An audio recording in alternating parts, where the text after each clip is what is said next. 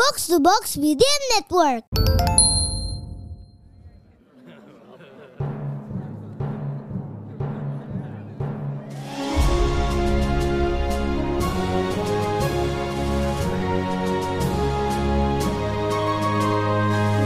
Perhatian, perhatian. Dongeng Paman Geri akan segera dimulai. Semua anak dipersilahkan untuk berkumpul.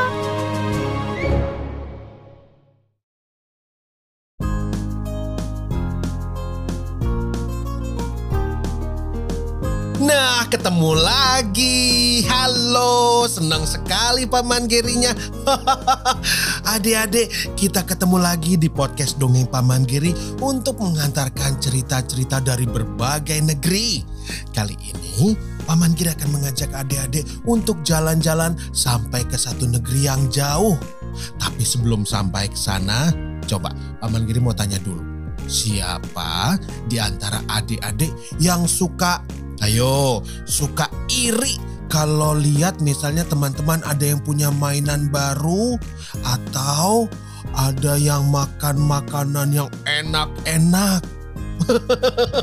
Paman kiri pernah iri nggak?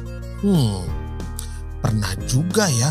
Waktu itu lihat teman ada yang punya koleksi kartu BTS yang lebih baru. Ah, Paman Giri kan kepengen juga. Kali ini Paman Giri mau cerita sama adik-adik ya tentang seorang pemuda yang namanya adalah Paolo. Iya betul, Paolo. Paolo ini sering iri kalau melihat orang lain.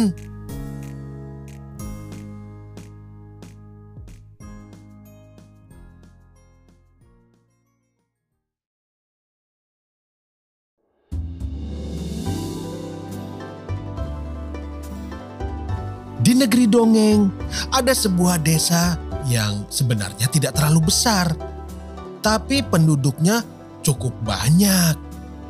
Penduduk di desa ini kebanyakan adalah orang-orang yang berkecukupan. Ada yang punya rumah lebih dari satu. Ada juga yang punya beberapa kereta kuda. Ada juga yang punya peternakan luas dan besar. Ya sebenarnya nggak heran juga ya, soalnya penduduk desa itu memang terkenal rajin dan juga suka bekerja keras. Jadi pasti hasilnya juga sangat baik. Eh tapi tapi tapi ternyata nggak semua penduduk desa itu rajin dan juga suka kerja keras. Ada loh seorang pemuda bernama Paolo yang kelihatannya cuma malas-malasan saja dan senangnya itu melamun saja. Oh, sebenarnya dia bekerja sebagai kuli panggul di pasar. Tapi kalau dilihat-lihat, ia lebih banyak istirahatnya daripada bekerjanya. Tuh, tuh, coba, coba, coba lihat.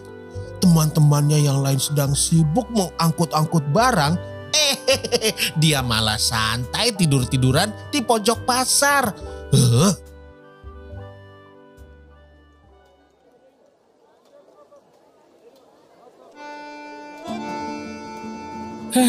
Enaknya kalau jadi orang kaya.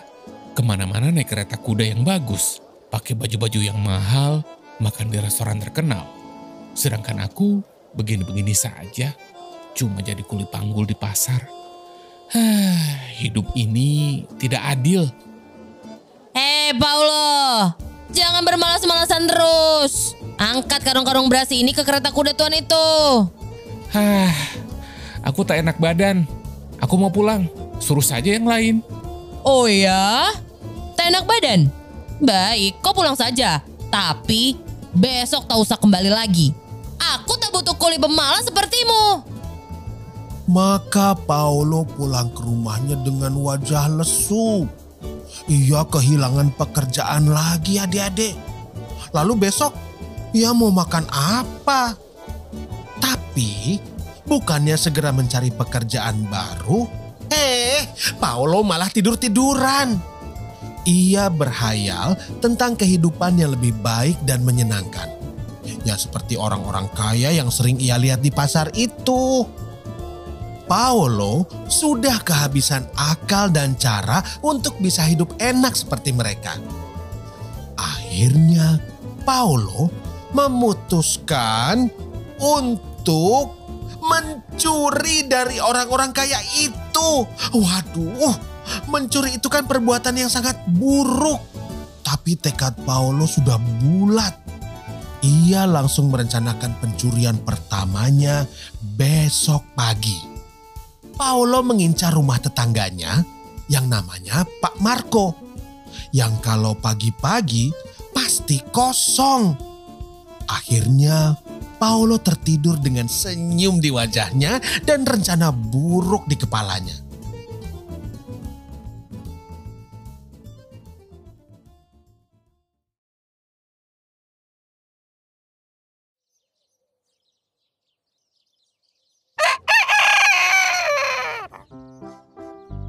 Keesokan paginya, Paulo bangun pagi dengan bersemangat. Ia mencuci muka, lalu berpakaian, lalu duduk di dekat jendela menunggu Pak Marco keluar dari rumah. Bagus, Pak Marco sudah berangkat. Aku akan bergerak sekarang.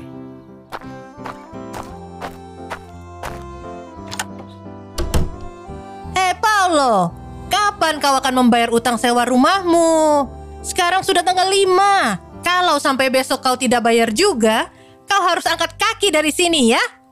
Eh, iya Nyonya, besok pasti saya bayar. Saya berangkat kerja dulu. Permisi. Paulo buru-buru menghindar dari induk semangnya dan pura-pura jalan menuju pasar. Tapi kemudian ia berbalik arah dan masuk ke rumah Pak Marco dari pintu belakang yang tidak dikunci.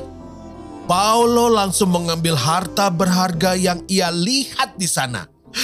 Uang, perhiasan, emas, oh semua diambilnya. Lalu ia mengendap-endap keluar dan pergi ke pasar. Hasil curiannya itu lebih dari cukup untuk membeli sepasang baju mahal, juga seekor kuda, dan juga makan di restoran terkenal. Setelah puas membeli semua yang dia inginkan, Paolo pulang ke rumah. Ia langsung membayar uang sewa ke induk semangnya lalu langsung ketiduran karena perutnya kenyang dan senang karena berhasil merasakan jadi orang kaya.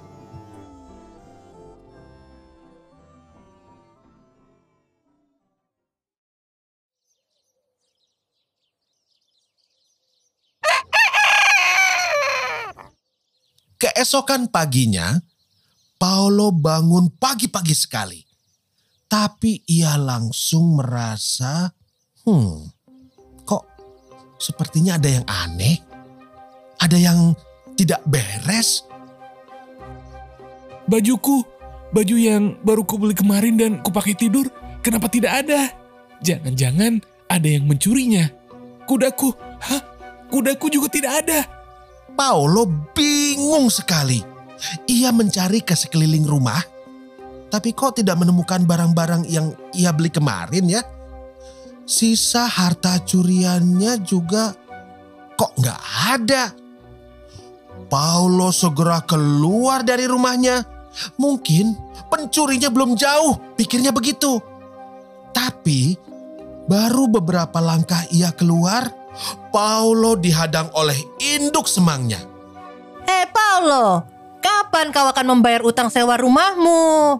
Sekarang sudah tanggal 5. Kalau sampai besok kau tidak bayar juga, kau harus angkat kaki dari sini ya.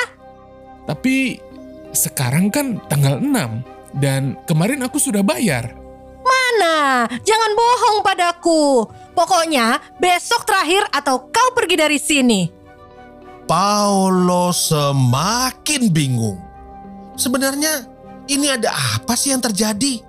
Kenapa semua harta benda yang ia curi dari Pak Marco kemarin kok nggak ada?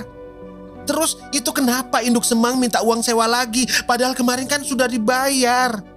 Aduh, bingung ya. Adik-adik tahu nggak apa yang terjadi? Paman Giri sendiri juga jadi ikut bingung ini. Oke, oke, begini begini. Nah, nanti Paman Giri akan cari tahu dulu apa sebenarnya yang terjadi. Lalu nanti Paman Giri akan menceritakan di episode berikutnya. Ya, ya, tunggu ya. Hah, bingung, tapi eh, tunggu deh, tunggu sampai ketemu lagi di episode do dongeng Paman Giri.